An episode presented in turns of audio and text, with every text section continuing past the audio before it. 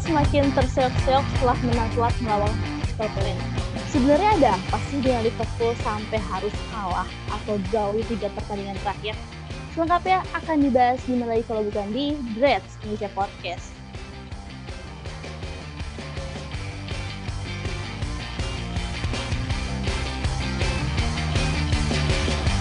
Assalamualaikum warahmatullahi wabarakatuh Wahai pendengar setia Dreads Indonesia Podcast di mana pun lo semua berada Di podcast kali ini tentu saja gue Fatia nggak sendiri Episode kali ini bakal rame daripada episode sebelumnya Karena sekarang gue ditemenin sama Fatah, Isal, dan Indra Halo guys, apa kabarnya? Halo, halo semuanya. Halo, halo, halo. Oke, okay.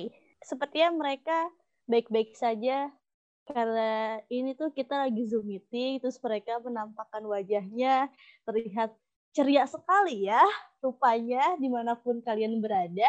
Oke, sebelum kita bahas bola, tentu saja kita akan update kehidupan seperti biasanya. Nih ya, vaksin corona sudah sampai ke Indonesia. Pertanyaan gue adalah, lo lo semua nih satu-satu jawab ya dimulai dari Isal nih terus patah terus Prat ya lo semua bakal vaksin nggak dan lo percaya nggak sama vaksin itu akan jadi ketika lo divaksin lo akan membaik Sal? Ya kalau disuruh mah ya udah divaksin aja. Kan gratis juga katanya dapat vaksin gratis juga kan ya udah. Terus kalau lo tah? Pasti dong. Masa enggak? Sangat singkat. Coba Prat lo lebih panjang gitu. Lo percaya tidak? Dan lo akan divaksin tidak? Tentu saja percaya dengan vaksin. Harapannya kalau habis vaksin itu bisa dapat ini susu putih saya akan dapat susu. Oke, terima kasih jawaban yang sangat singkat, jelas dan padat. Iya, hai kita kesampingan tentang vaksin karena kita podcast bola, mari bahas bola sampai muak sampai muntah. Dan saat ini gue sudah ada di fase muak karena semua karena sumpah Liverpool tuh niat main gak sih tiga kali match setelah menang telak malah makin keok aja lawan West Brom 1-1 lawan Newcastle 0-0 dan baru aja nih kalah tipis 1-0 dari Southampton yang jadi Liverpool B-nya di IPL. Apa sih yang salah dari Liverpool tah? Sampai harus kayak gini. Tiga match loh ini beruntun. Salahnya apa? Aduh, salahnya gimana ya? Masa mau salahin tim lain pakai parkir bus gitu kan? Tapi parkir bus nggak haram kan dipakai juga boleh. Tapi ya gitulah apa namanya lagi-lagi parkir bus jadi yang menyusahkan Liverpool gitu di di tiga pertandingan terakhir-terakhir ini. Sebenarnya main nggak nggak ada masalah sih, tapi ya gara-gara parkir bus itu lagi belum belum nemu, terus juga banyak yang cedera kan jadinya ada yang nggak jalan dari misalkan dari build up belakang nggak jalan gitu kan. Terus juga eh, apa namanya lini tengah juga nggak jalan, terus tren masih masih masih under perform lah banyak masih banyak masalahnya gara-gara si parkir bus ini. Oke, jadi lo mempermasalahkan tentang parkir bus yang uh, selama ini ya sama klub belum diperbaiki ya karena emang uh, sifat buruk Liverpool itu tidak bisa mengantisipasi adanya parkir bus di tim-tim ya di bawah gitu bukan di top 6 atau top 5 deh gitu misalnya. Nah, kalau misalnya kita recap ya, lawan West Brom itu secara statistik kita menang telak dengan shot 17 tapi on targetnya cuma dua dan seperti kali kita lihat hasilnya draw lawan Newcastle statistik statistik sama nih kita menang 11 shoot tapi on targetnya itu 4 naik tapi draw juga malah nggak cetak gol sama sekali lawan Southampton nih shootnya itu 17 kalau misalnya lo tahu. Tapi on targetnya cuma satu. Apakah yang salah tuh ini depannya Prat? Atau karena gue cepat dari Danny Ings terus Liverpool kaget? Kalau menurut gue, uh, khususnya ya gue mau nge-highlight yang kemarin lawan Southampton itu. Uh, bisa dilihat kita itu memang benar-benar butuh yang namanya back tengah. Untuk kanan sama kiri ya meskipun uh, si siapa tren itu memang masih naik turun belakangan ini, Robo di kiri konsisten dari musim-musim kemarin tetap konsisten dia. Tapi kita di tengah bisa kita lihat meskipun kita punya pemain berbakat, pemain muda berbakat, meskipun seperti itu kita juga tetap butuh yang namanya pemain yang sudah berpengalaman di lini uh, tengah, maksudnya di apa di belakang tapi di back tengah. Nah itu uh, di situ kita juga apa ya kekurangan karena waktu itu waktu itu gue nonton itu dia kocar kacir banget pertahanannya. Meskipun gol yang pertama itu memang ya di menit-menit awal, tapi uh, setelah gue lihat-lihat lagi di sisa-sisa pertandingan setelah gol itu dia beneran yang kocar kacir. Kita memang di sini apa ya, meskipun kita ya percaya-percaya aja sama klub, cuman kita kan punya pandangan pribadi tentang bagaimana Liverpool seharusnya berjalan dengan absennya Van Dijk, terus Matip juga, terus Joe Gomez yang notabene memang sudah punya jam terbang yang lebih banyak daripada yang lain. Nah itu lebih baik kita cari pemain baru yang ya kebelakangan kita udah santer banget di ini di apa diomongin gitu menurutku. Jadi tuh lo beranggapan kalau yang salah itu lini belakang, bukan lini depan. Tapi kan gue tadi bilang permasalahan itu dari shot on target itu cuma satu dari shotnya 17. Apakah di depannya juga tidak bermasalah, Prat? Kalau di depannya sih uh, menurut gue bermasalahnya itu ya sebenarnya agak bermasalah sih. Karena kita kita itu ditampilkan dengan tiga pemain depan yang itu itu aja. Yang di mana kita kemarin-kemarin udah mulai apa Jota di situ masuk terus sekarang tahu-tahu dia cedera gitu kan. Jadi di depan itu, itu kita memang kekurangan kreativitas. Karena menurut gue tuh klub-klub di Premier League udah bisa beradaptasi dengan trio trio kita yang di depan ya. Firmino, Salah, Mane itu mereka udah mulai bisa beradaptasi. Dan uh, kesalahan Klopp menurut gue kesalahan Klopp di pertandingan Southampton yang kemarin yang gue mau highlight uh, dia nggak masukin Minamino. Dia malah masukin Miller daripada Minamino. Yang di mana kita di situ butuh banget yang namanya kreativitas di lini depan. Dan mereka nggak bisa ngasih itu dengan dengan apa bertiga ini nggak bisa ngasih itu dan Minamino di hold nggak masuk makanya maka dari itu di depan juga bermasalah, cuman di belakang juga nggak kalah bermasalahnya. Gitu sih menurut gue. Uh, jadi ya depan belakang salah. Kalau tengah gimana nih Sal?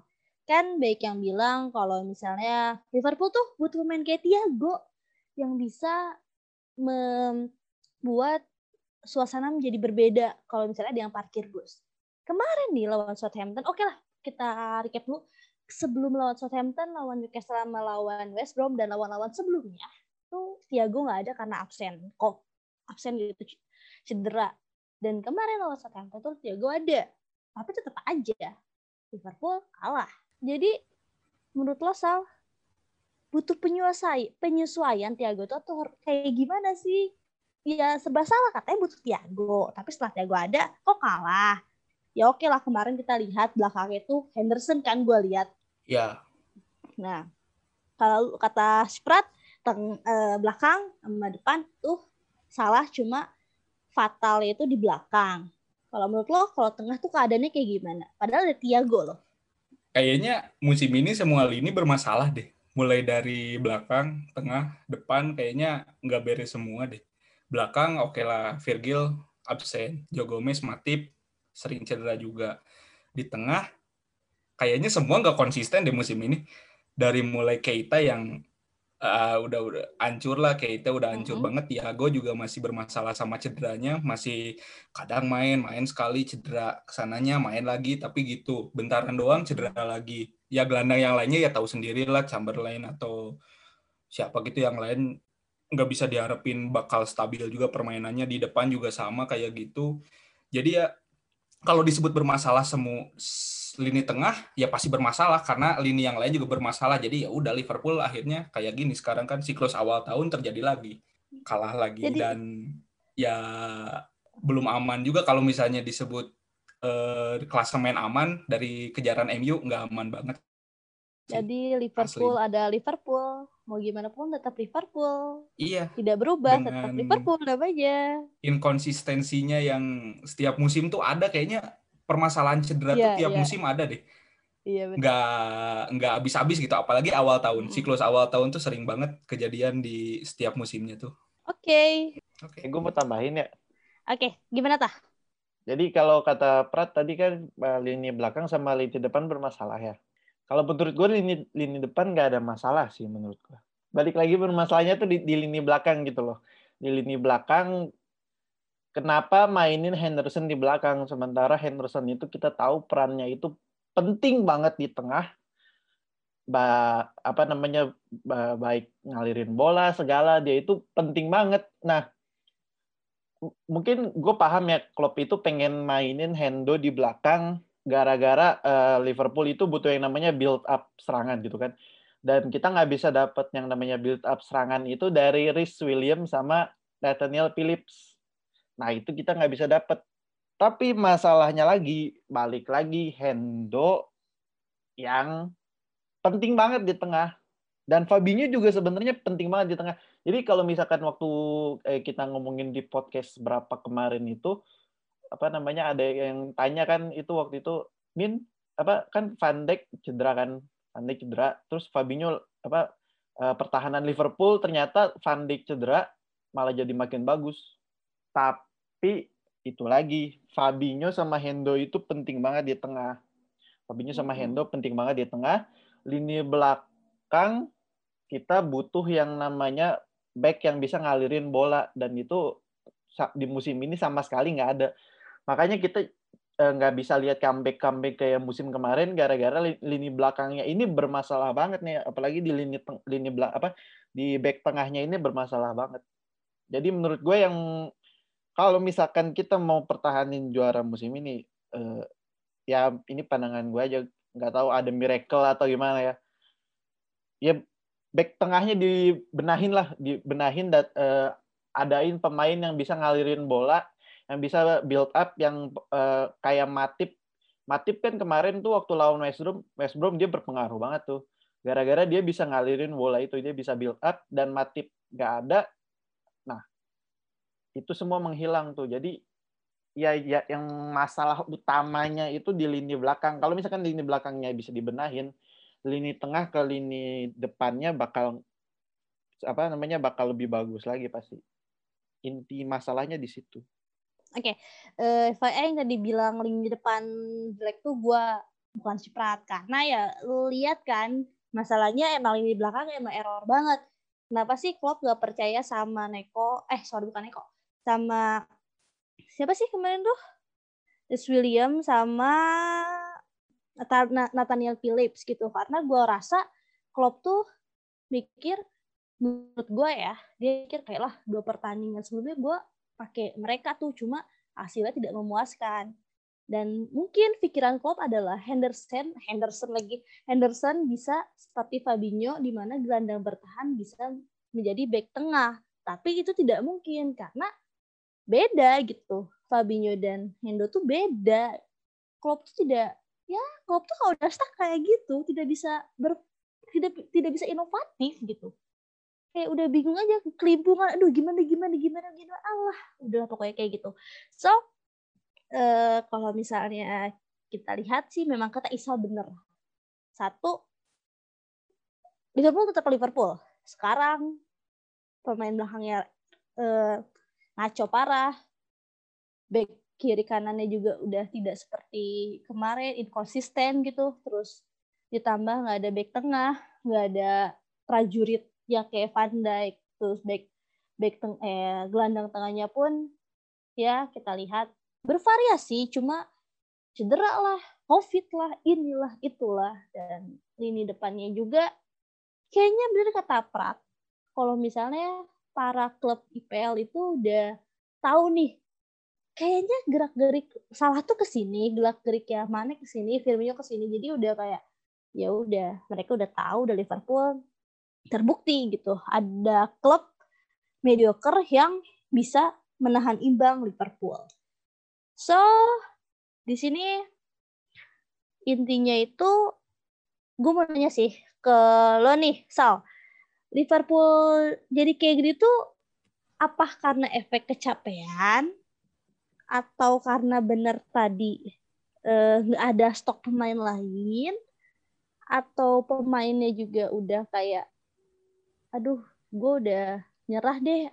Karena ya mungkin tidak bisa mempertahankan gelar atau kayak gimana sih?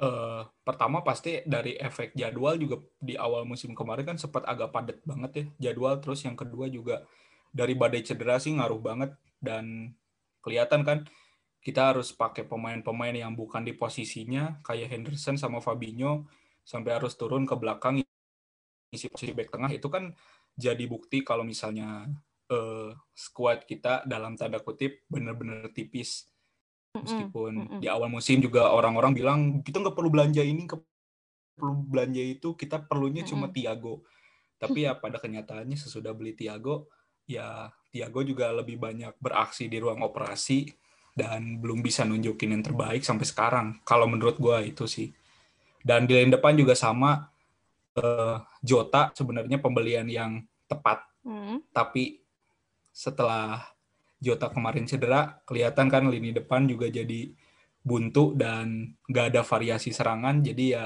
mengandalkan Firman Sah yang itu-itu aja, oh. yang ya sorry dalam tanda kutip gue uh, bilang makin sini makin monoton, makin ngebosenin mm -hmm. dan serangannya ya benar udah kebaca. Jadi ya mm. ya udah sampai bursa transfer ini ditutup kita lihat aja bakal ada perkembangan seperti apa dari klub apakah dia bakal beli back baru atau beli uh, uh, pemain baru di posisi lain buat ngisi ketipisan squad itu atau bakal bertahan dengan squad ala kadarnya kayak gini dan ya jalan pincang sampai berharap pemain-pemain yang cedera itu sehat lagi mudah-mudahan sehat lagi kalau enggak ya ya amit-amit sih mudah-mudahan sehat. Tapi feeling gue si Klopp eh kok si Klopp kayak udah kenal aja kalau kata gue Jurgen Klopp akan seperti ini terus karena emang seperti ini terus tidak pernah ada perubahan. Tapi ya uh, bursa transfer juga baru dibuka. Mudah-mudahan yeah. Klopp tersadar dengan keadaan timnya yang sangat-sangat tipis dan beli mm minimal satu atau dua pemain baru. Ya Tapi... semoga aja terkabul dan semoga pencerahan ada datang ke isi kepalanya. Oke. Okay setelah kita membahas berapa betapa bobroknya Liverpool kali ini terbukti lah. Gue bilang bobrok terbukti ya, bukan tanpa alasan. Kita lihat dari tiga match sebelumnya, emang benar-benar bobrok gitu.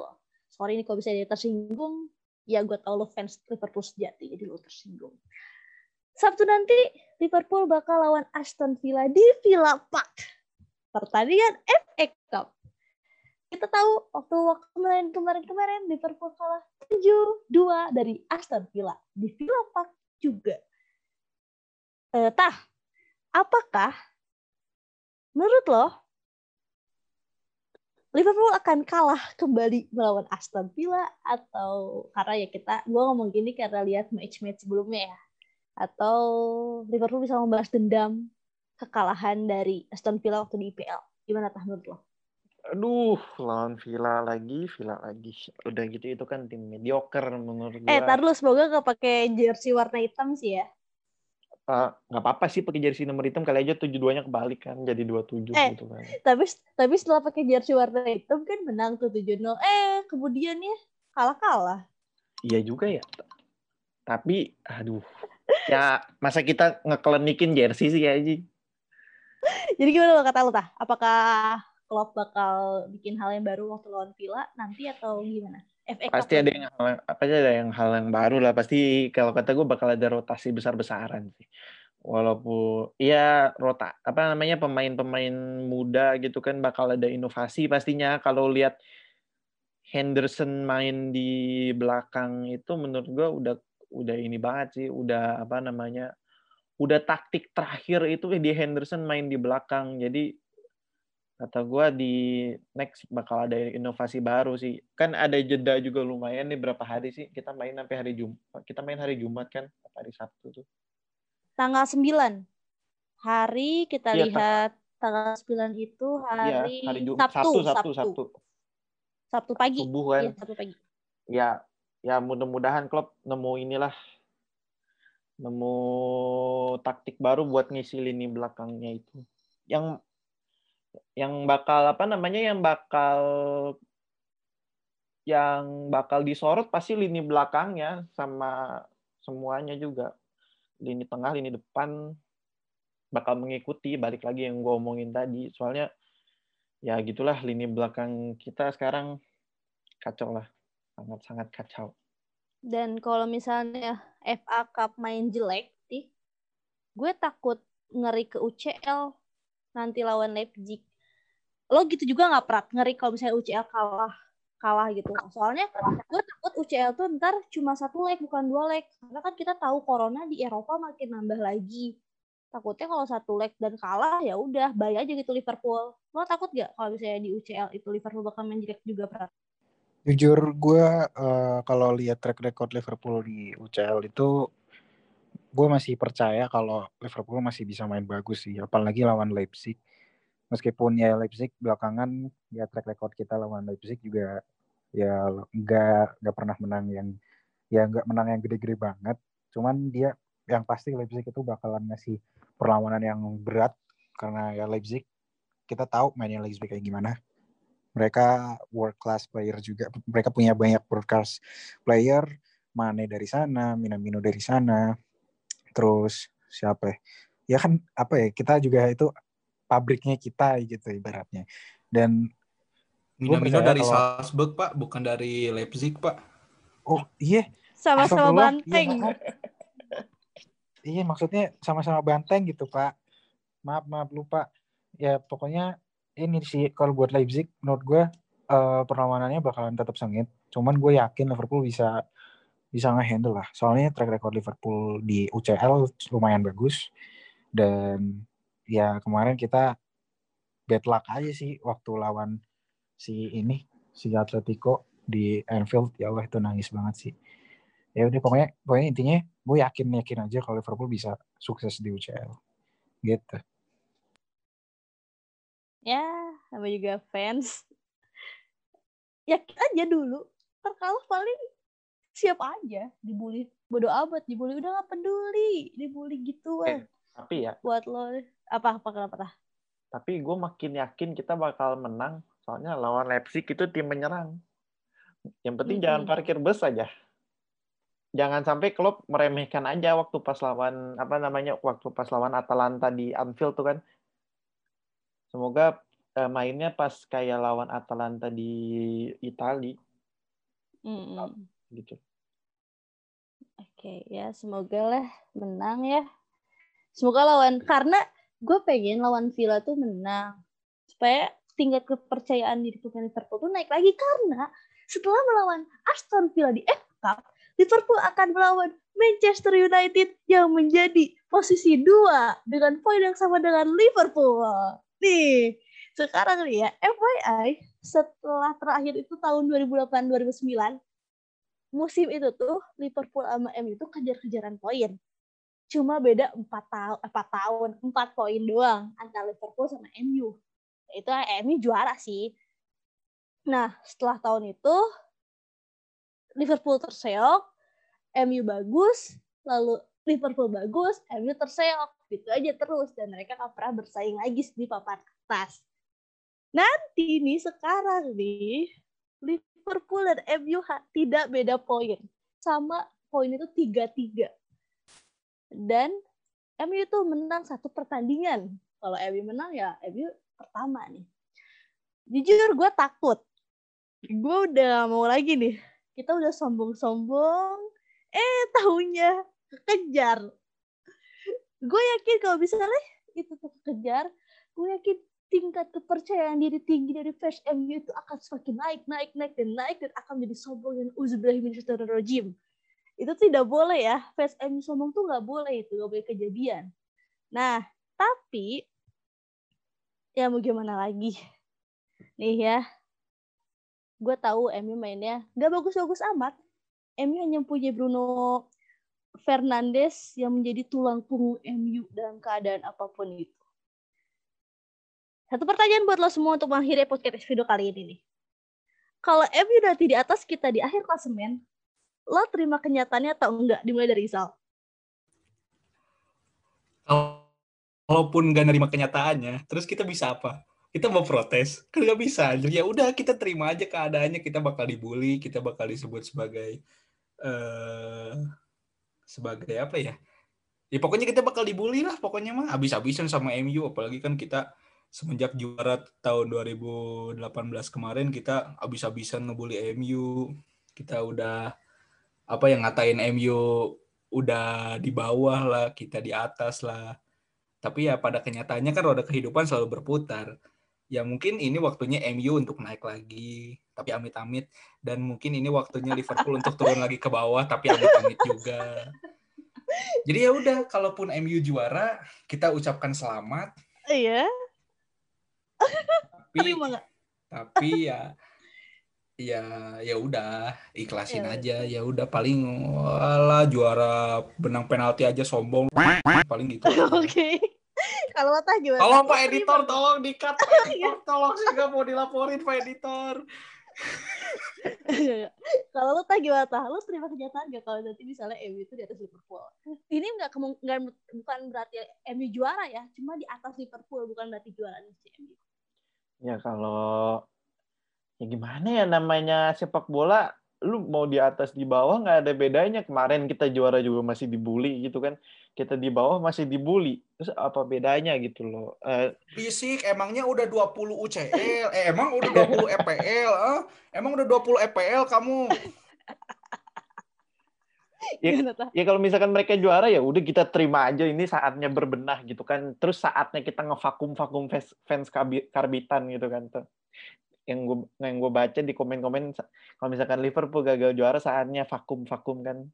Fans karbitan pada pindah balik lagi ke MU kan. Ya kalau misalkan mereka juara ya ya nggak ya ya jangan apa namanya ya gimana ya? Juara ya jangan sampailah amit-amit bener jangan sampai juara tapi kalau misalkan mereka juara juga ya masa kita mau bikin petisi gitu kan petisi malah malu-maluin diri sendiri ya nah gitulah jangan sampailah jangan sampai MU juara lah pokoknya mit mit amit Jangan mit ngeles kamu, jangan ngeles. Emangnya kamu udah 20 EPL, ah? Nggak usah sombong kamu. Baru juga satu kali juara EPL kamu, ah? Ah? oke kalau lo berat gimana berat kalau MU di atas kita gimana itu di akhir Kalau MU di atas kita, gue sih terima-terima aja sih. Tapi apa ya? Tapi gue uh, on a serious note, gue sebenarnya bener-bener ya siapa sih yang mau MU di atas kita? Ini tapi uh, kalau kita lihat realistis, meskipun meskipun kita masih di atas ya, meskipun kita masih di atas, tapi kalau memang permainan kita kayak gini-gini mulu, ya gue nggak akan gue nggak akan yang nuntut Liverpool harus juara satu karena emang ya kita mampunya buat sekarang segitu kayak yang tadi Sal sempat sebutin tentang apa sih penyakit awal tahun Liverpool. Ya ini seri seri seri kalah seri seri seri kalah menangnya jarang kan. Ya itu eh, mungkin ini sebuah fase di mana memang Liverpool udah kebiasa gitu kali ya hidup hidup hidup hidup kayak gini gitu. Kalau Januari Februari dia masih masih kayak naik naik turun gitu angin Ya club out fix Mekum. Udah itu club out ya pokoknya pada intinya mah ya gitu. Yang gua nggak apa-apa. Liverpool di bawah MU cuman gua bener-bener pengen banget nuntut Liverpool biar naik lagi lah. Pasti MU dengan dengan posisi MU di atas mau nggak mau Liverpool jadi eh, punya semangat lebih buat bisa ngalahin MU karena ya rival kan ya.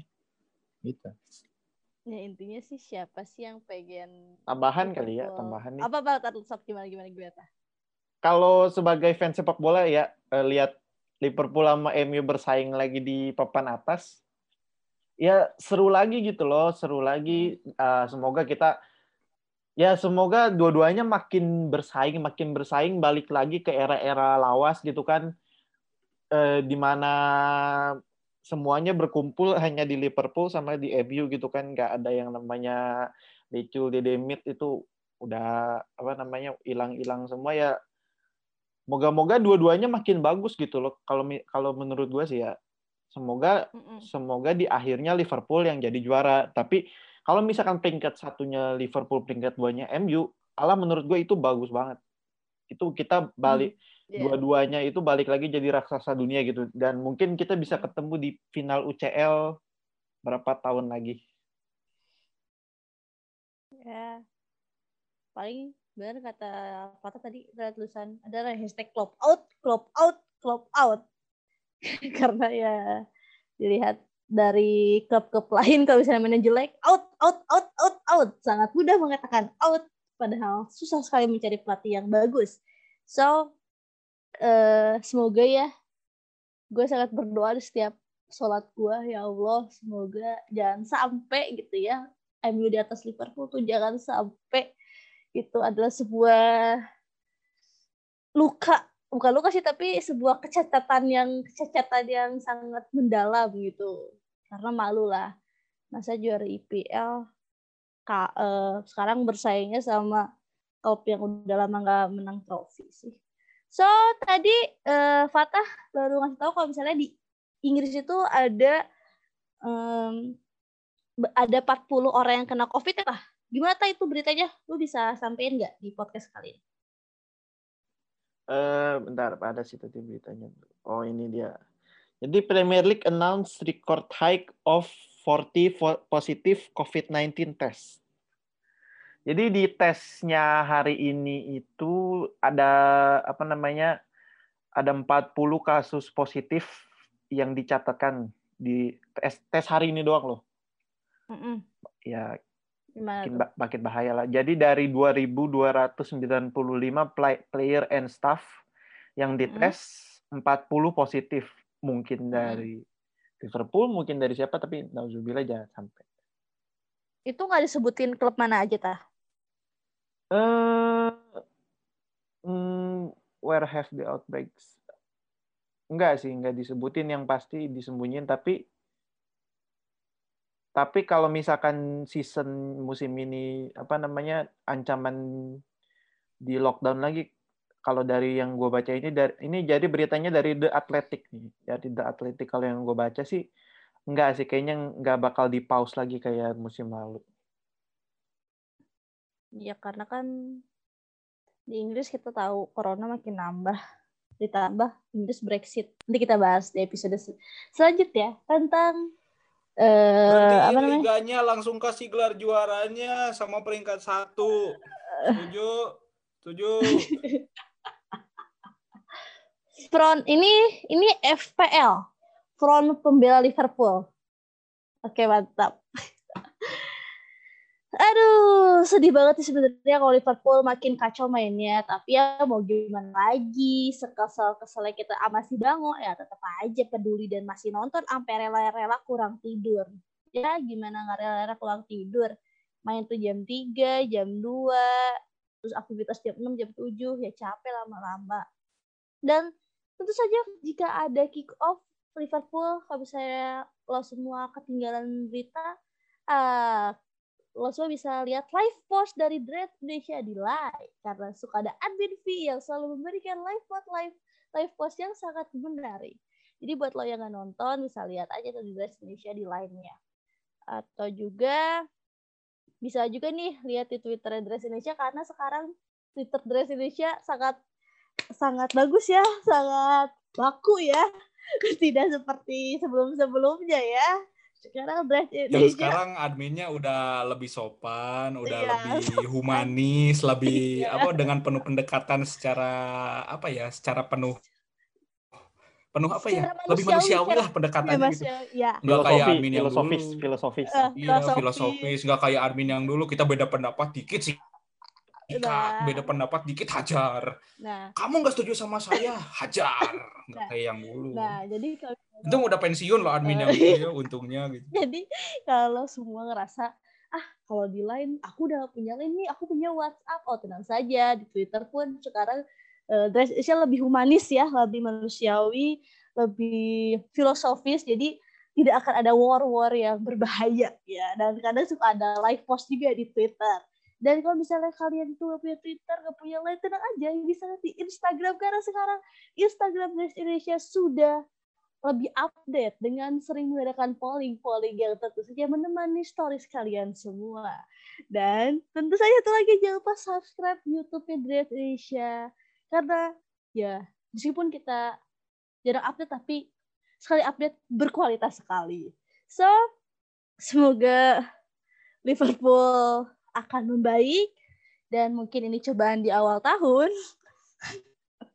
Dan ya semoga Liverpool tetap ada di atas MU semoga nanti MU kalah. Dan kalau Liverpool di bawah MU gue yakin mereka akan sombong kembali seperti dahulu kala bye. Thank you udah dengerin Resi the Podcast. Bye bye